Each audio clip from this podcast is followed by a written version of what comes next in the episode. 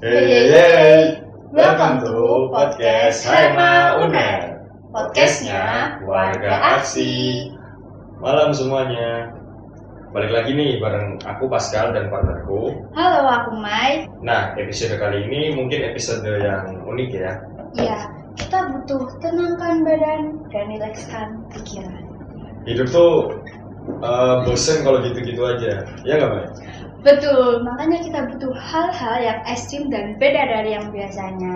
Oke, di sini aku ada solusinya buat nemenin bosen Mai. Nah, walaupun ya mungkin merinding dikit sih kalau didengerin. Wah, kalau merinding aku pamit dulu sih, Kal. Wah, jangan dong. Eh, mungkin oke, langsung aja ke judulnya yaitu kisah horor yang dialami mahasiswa akuntansi. Wah, menarik banget nih. Betul banget. Di sini kita udah ngundang narasumber yaitu Mungkin dari Nadia dulu ya. Eh, halo semuanya, kenalin nama aku Nadia, aku dari angkatan Gelora. Halo warga aksi, perkenalkan namaku Aldi dari Angkatan 21 Halo warga aksi, aku di Nelson dari angkatan 21. eh, mungkin boleh nih Mas Mas Econ, terus Mas Aldi sama Nadia cerita gimana sih kronologi horor yang pernah dialamin di kuliah ini mau di kampus atau di kos di rumah atau lagi nongkrong mungkin sama temen-temennya mungkin dimulai dari Mas Aldi dulu ya dari aku dulu ya. Oke. Nih aku ada cerita horor nih waktu di rumahku.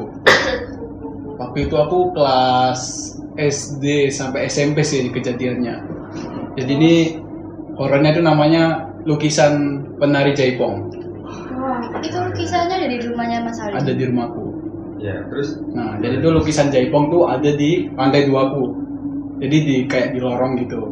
Hmm. Ada di atas gini kan. hmm, Nah, jaipongnya ini matanya kayak ngarah ke kiri gitu. Tahu kan tari jaipong ini? Ah, Iya, ya tahu. Tarik ke kiri gitu kan. Nah, terus itu horornya apa setiap setiap berbulan-bulan tuh matanya tuh setiap eh, itu ganti terus. Jadi ke kiri, ke kanan, ke kiri, ke kanan. Itu aku amati terus setiap bulannya. Nah, tapi aku belum belum berani cerita ke orang tuaku kalau emang itu matanya gerak-gerak terus.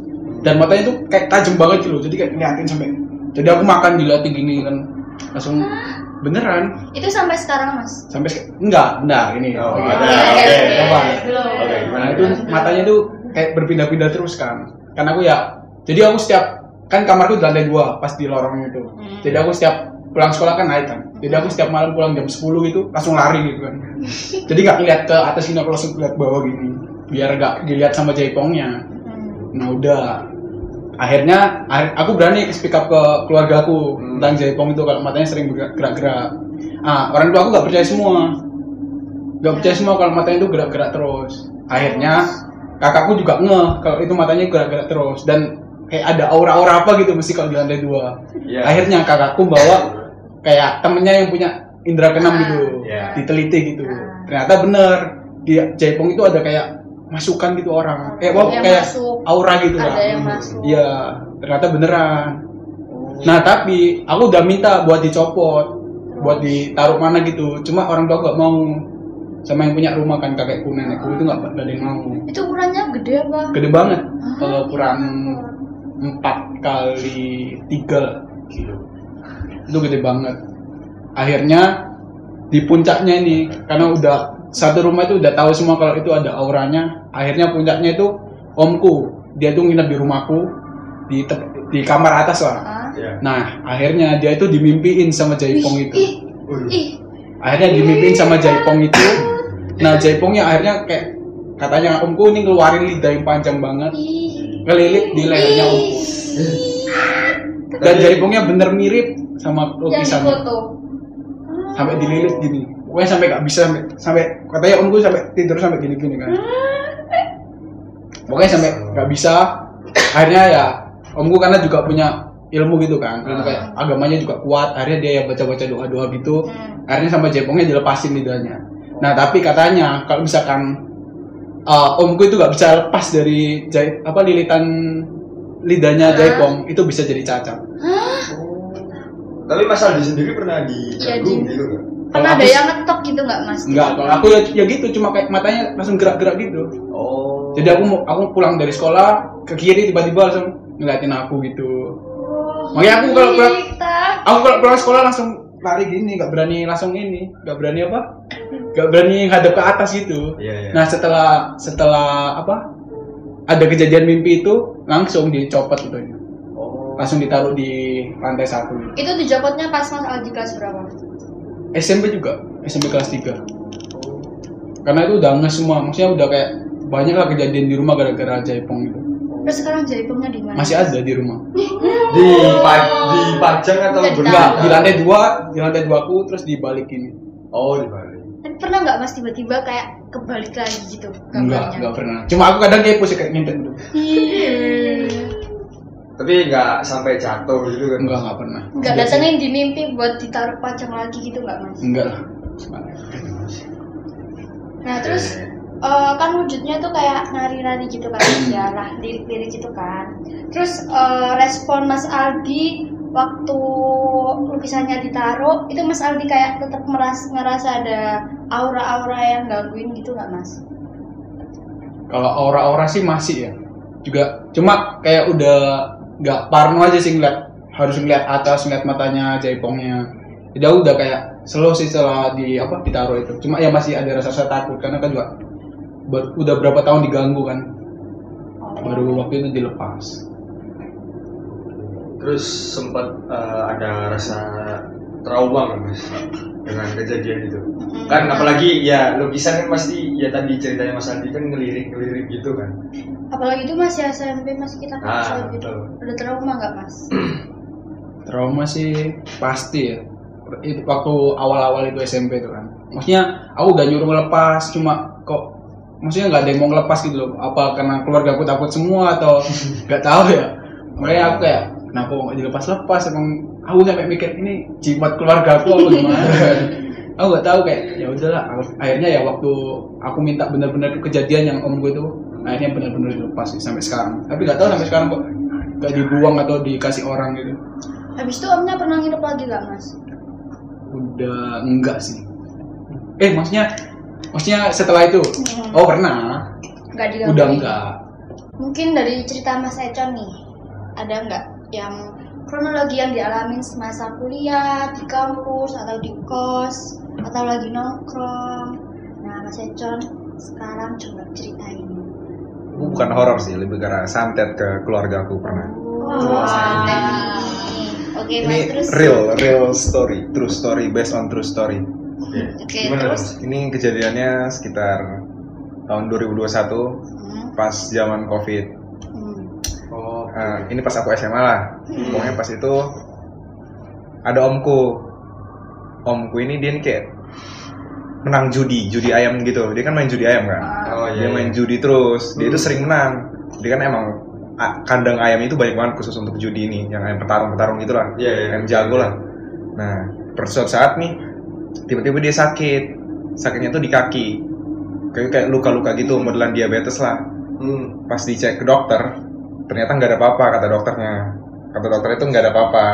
Terus badan itu udah menggigil banget. Tanteku sampai udah ngomong marah-marah ke dokternya itu gimana sih rumah sakitnya? Kok nggak nyediain gini? Terus baliklah ke Kupang.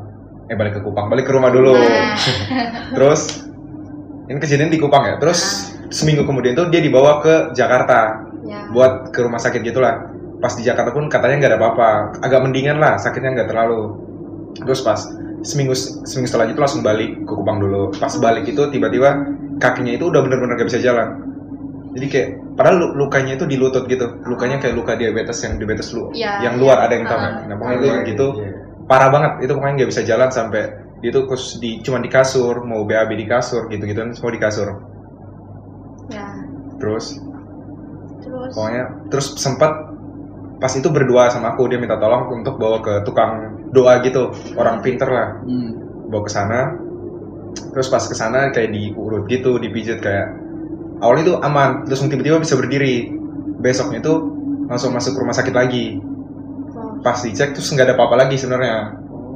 Terus pas minggu depannya lagi kakinya itu dua-dua udah benar-benar nggak bisa gerak. Udah mati rasa udah nggak bisa apa Berarti itu kaku gitu ya, nah terus posisinya ini kan covid kan? Ah, Iya, iya. pas itu tanteku ada yang kena covid. Ah, nah posisinya sus jadi omku ini tambah parah jadinya. Iya, terus dia harus dialin ke rumah yang lain kan? Iya, iya. nah terus ke rumah ini sedangkan yang ngurus ini tak biasanya kan cuma tak dia kan posisinya dia si- nggak nikah nggak ada apa nggak punya anak sama sekali. Jadi Oh, dia sendirian hidupnya. sendiri. umur 40 tahun lah pas itu. Terus dia itu kan yang ngurus cuma nenekku pas itu. Hmm. nenekku jadi nenekku sendirian yang ngurus terus pas balik lagi ke rumah ini dua hari setelahnya itu langsung meninggal. Langsung meninggal. Pas itu pas malam-malam aku ditelepon kan. Suruh disuruh ke keluarga jangan keluar dulu. Ini bahaya. Terus pas setelah pemakaman itu kita kayak ngumpulin orang-orang gereja. Ah, ada 30 orang yang bener-bener Banyak banget. mau main bola emang. Nggak. ini 30 orang ya? 30 orang bener buat doa pengusir setan namanya. Kalau di agamaku kalau di daerah sana pernah ya? Iya, oke, oke. Terus doa pengusir setan. Terus sebelum itu tuh kita udah coba ke orang-orang bukan orang pintar sih bukan orang beragama juga kita udah sering doa. Kita bukan hanya ke orang-orang ke orang pintar dan orang agama juga. Jadi pas ke satu orang ini yang benar-benar dari kecil kita udah pernah sering ke sana doa sama dia. Kata itu di rumah itu ditampilin batu gede. Batu gede gitu ada orang yang iri gitu. dan orang yang iri katanya tuh orang terdekat kita. Ah, nah orang terdekat jadi mutusin lah hari itu buat 30 orang itu berdoa. Berdoa itu kalau di mungkin boleh dicari ya ritual pengusir setan agama Kristen. Pas itu aku pernah. Hmm. aku pernah. Dari jam 8 jadi nyanyi terus sampai jam 12 malam. Pengusiran setan tuh jam 12 Itu malam. 8 pagi atau 8 8 malam? 8 malam sampai jam 12 malam. 12 malam itu udah mulai tuh ritual pengusir setan sampai jam 2 pas ritual kan rumahku kan ada jadi ada beretaran gini rumah nenekku yang tempat Ah, omku ini iya. terus rumah omku lagi Ah, ya. tempat dia tinggal biasa terus sama rumahku. Itu sebelah. Semua ini harus dilakukan ritual pengusiran setan. Katanya orang ada yang iri sama keluarga keluarga kita gitu. Terus itu udah ngundang tuh 30 orang terus semua keluarga kita wajib ngumpul. Ah, wajib ikut lah semuanya. Mulai dari Semua, kecil ya. sampai bayi-bayi pun harus tetap ikut.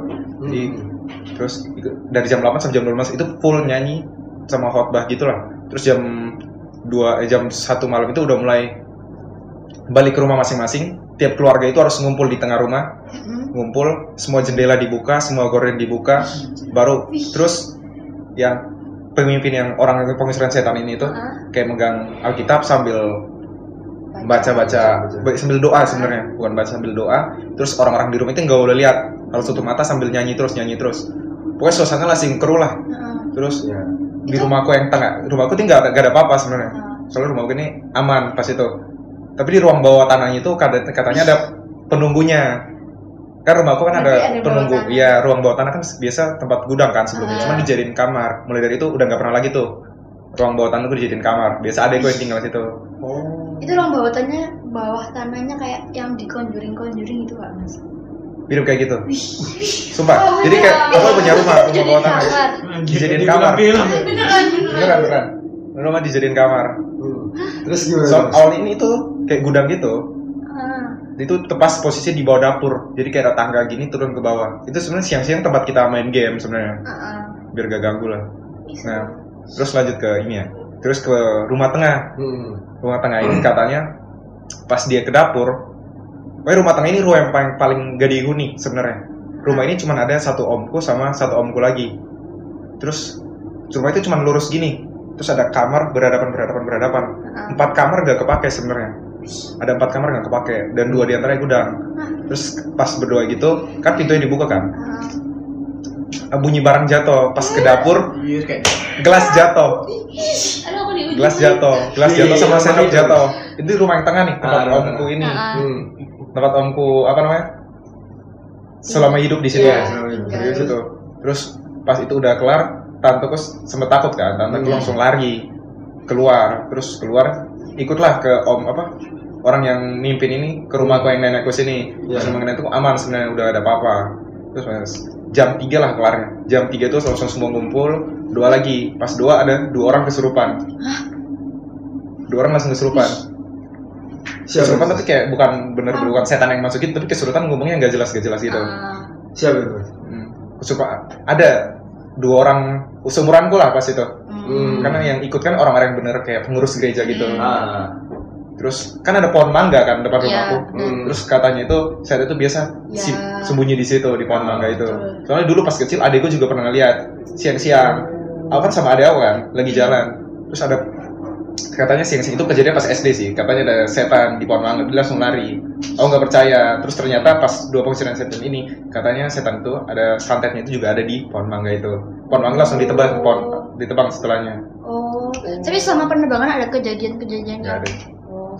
soalnya kita mulai kaget tuh pas cerita dari soalnya kejadian ini sem- sempet dua kali. Pertama kan ibuku yang meninggal dulu. Hmm. itu mungkin Oh. terus ibuku ini bener-bener juga dicek rumah sakit nggak ada apa-apa. Ah, terus sama kedua nih omku. Omku satu tahun setelahnya. Itulah makanya langsung kita langsung kaget. Terus setahun setelahnya ini bapakku sakit. Wih. posisi sama juga. Nggak di ini apa namanya nggak ada apa namanya Ada. cek ke rumah sakit gak di ada apa-apa nggak ada juga. apa-apa sampai udah enam bulan malah jadi tiap enam bulan itu sakitnya tiap enam bulan di kalau dia tinggal di rumahku Itu sakit. langsung sakit Oh. bapak kan orang Sumba ya jadi kayak Hmm. harus balik ke sana ketemu keluarga langsung sembuh pas balik ke ini ke Kupang. Kupang lagi langsung sakit lagi jadi posisinya itu pas itu ada sempat tahun lalu Iya, aku pernah aku- cerita Aku udah cerita. bapakku itu pernah sakit parah banget Hmm. Hmm. parah banget sampai kayak udah bener-bener sama-sama Hah? pas aku di sini Iya. Tahun lalu kemarin tahun ya sebulan-bulan ini lah. Tiga. Tiga. bulan-bulan ini. Pas itu bapakku sakit juga. Hmm. posisinya itu dia lagi di rumah juga. Lagi di rumah nggak bisa jalan. Jadinya nggak bisa jalan. Yang nggak ada yang urus. Jadi kan cuma ada adekku sama adekku yang cowok sama ada sepupuku yang bantu ngurus lah. Oh itu selama sebulan udah nggak bisa jalan nggak bisa gerak. BAB di kasur harus Berarti jalan pakai pampers pakai pampers. nggak bisa jalan. Sama sekali terus akhirnya panggil kayak kita ke rumah-rumah doa. Kalau di rumah Iya. ada kan rumah doa. Rumah doa itu sampai udah beda bisa pindah ke kota lagi. Terus katanya ini harus tiap pagi harus minum kelapa muda merah. Kelapa muda yang merah. Iya. terus habis itu untungnya sampai situ kita doa-doa terus kan. Terus udah mulai sembuh tuh. Kalau itu setahun setelah omku meninggal. Pokoknya tahun tiap tahun itu kayak ada Ada. katanya itu ada orang yang gak senang sama kita. Jadi orang itu kayak ngutuk tiap satu tahun gitu. Pokoknya kejadiannya gitu sih. Untung untungnya puji Tuhan sampai sekarang masih aman Tapi maksudnya keluarga di Kupang masih sekarang udah aman Gak aman gak ada gitu-gituan lagi lah pokoknya dulu sih gitu Berarti udah diusir gitu ya mas. Heeh. ini based on true story Terus terus nyapa Kayak ya di film ini contohnya. Kemarin kita nonton dulu. di ambang kematian Iya kan? Gitu banget, sumpah. Sumpah, memang Bedanya beneran. dia bang kemarin Soalnya- 10 tahun 10 tahun sekali. Soalnya Oh, posisinya iya, bener. kita bingung juga. Soalnya nggak ada orang-orang yang meninggalin sebelumnya nggak ada sakit apa-apa. Mm-mm. Tapi itu sakitnya sakit kaki semua mas. Hah? Sakit di Ya. kaki semua. Ibuku juga sakit di kaki sampai gak bisa jalan. Terus langsung masuk ke rumah sakit. Omku ini sebenarnya paling parah soalnya. Kalau ibu kan meninggal seminggu langsung meninggal kan. Hmm. Kalau omku ini berbulan-bulan. Jadi kayak Iya. rasa pakai pampers terus posisinya dia kan juga gak menikah kan. Posisinya gak ada yang ngurus. Jadi nenekku yang ngurus. Nyaksiin orang. Nyaksin, soalnya aku kan harus nemenin nenek kan, aku nginep di kamar yang deket omku gitu. Jadi tiap malam aku di situ. Aku nyaksin, aku kadang bantu-bantu. Terus Pokoknya pas itu. yang nyantet siapa? Nggak, nggak tahu, kita nggak tahu siapa. Katanya orang terdekat sih yang iri. Ber- Berarti sampai sekarang atau gimana mas? Sampai sekarang un- untungnya udah aman sih, mungkin nggak terlalu ada apa-apa lagi. Sering. Ini based on true story, mungkin ada yang nggak percaya nggak apa-apa. Tapi ini, percaya sih. Pokoknya gitu. Eh, mungkin setelah kejadian itu eh, Mas Econ ada trauma nggak sih mungkin ada ada takut atau apa? Iya, terus Lebih karena takut sih kalau misalnya ada satu keluarga yang sakit, langsung kayak takut gitu. Oh, Langsung jadi mikir Pasti ke langsung sana mikir, ya, Mas. langsung arahnya pasti kejadian akan. yang sebelumnya ya. Jadi takut pulang gitu nggak sih? Justru senang kalau pulang lebih Oh, aman. oh, iya. Takutnya di sini malah kalau ada kan- apa-apa di sana kan harus Oh, iya. lebih parah. Iya. Karena posisi pas ibuku pas aku di SMA di sini. Hmm. Jadi pas meninggal baru aku balik. Sedangkan omku ini pas berulang covid, jadi pas aku balik di sana pas online. Oh, gitu. Tapi Mas Econ sendiri pernah kayak digangguin gitu nggak? Kalau secara aku belum pernah kejadian horor Nah, samsek ya, apa? belum setan mungkin belum pernah. Di kos juga nggak Di kan belum. Padahal kosku sebelahnya kuburan, tapi nggak pernah. Iya. Nah, Mas Aldi, Mas Econ kan udah. Terus ke narsum selanjutnya yaitu Nadia. Nah, Nat, boleh kan eh, ceritain gimana kronologi horor yang pernah Nadia alami semasa kuliah, entah itu di kampus, di kos, atau di tongkrongan. Tapi kayaknya ceritamu nggak seseru itu sih, insecure deh namanya.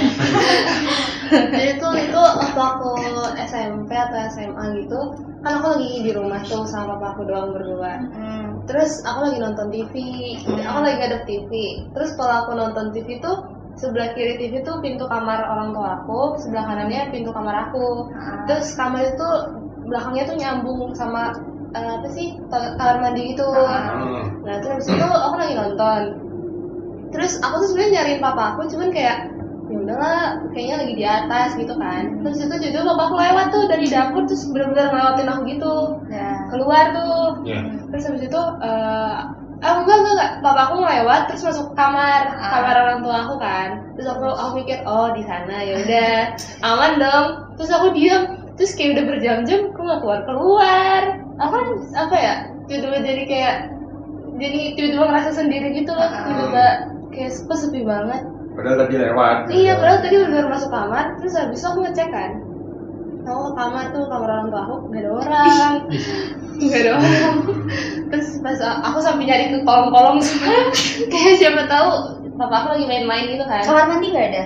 belum oh iya terus aku nyari kamar mandi. Kamar mandinya kebuka nggak ada siapa-siapa. Terus aku nyari kamar aku nggak ada siapa soalnya eh, kam- pintu kamar aku kan ketutup. Jadi otomatis kalau muter tuh harusnya Hmm. kelihatan gitu kan. Hmm. terus udah tuh akhirnya aku duduk lagi tuh diem di depan TV sambil takut. Terus aku sampai teriak-teriak pak papa kamu di mana? gitu gitu Hmm. tapi nggak ada yang jawab. Mamamu di mana? mama aku lagi keluar waktu itu. Terus itu nggak ada yang jawab kan. Terus tiba-tiba aku nyari keluar papa aku lagi di luar. Lagi, lagi ngobrol sama satpam. Terus pas papa aku masuk aku nanya papa dari tadi di mana? Papa dari tadi kan di luar. Hah, udah deh terus udah itu tuh udah gitu doang Tapi sempet ngobrol-ngobrol gitu nggak? Maksudnya Ah, nanya gitu. Kan- Oh bukannya bapak tadi di dalam gitu? aku nggak berani Terus pas waktu lewat itu, kamu eh papamu nih ngeliatin kamu nggak? enggak enggak jadi Jadi kayak diem gitu. bener-bener itu ngel- jalan itu jalan datar terus mukanya ya udah nggak peduli gitu kayak nggak ngomong sama aku gitu Nah terus sempet trauma nggak habis kejadian kayak gitu kayak kamu nggak mau nonton TV lagi nih? Abis dari situ kayak beberapa hari aku nggak sendiri di rumah sih kayak Langsung keluar. iya keluar Tapi kamu ini anak tunggal. aku anak tunggal Setelah kejadian itu nggak nggak berani speak up ke orang tua gitu. Iya. nggak nggak berani soalnya Sampai kayak sekarang. iya soalnya aku takut si yang pura-pura jalan itu dengar Tapi habis itu ada diganggu lagi nggak Nat? Kayak itu- sosok yang sama lagi. Hmm, Mungkin sosoknya mamamu. enggak sih abis itu aku nggak ada Itu terakhir. itu terakhir Mas sama Nadia percaya nggak kalau kita lagi ngobrolin tentang mereka, mereka ikut nimbrung ke kita?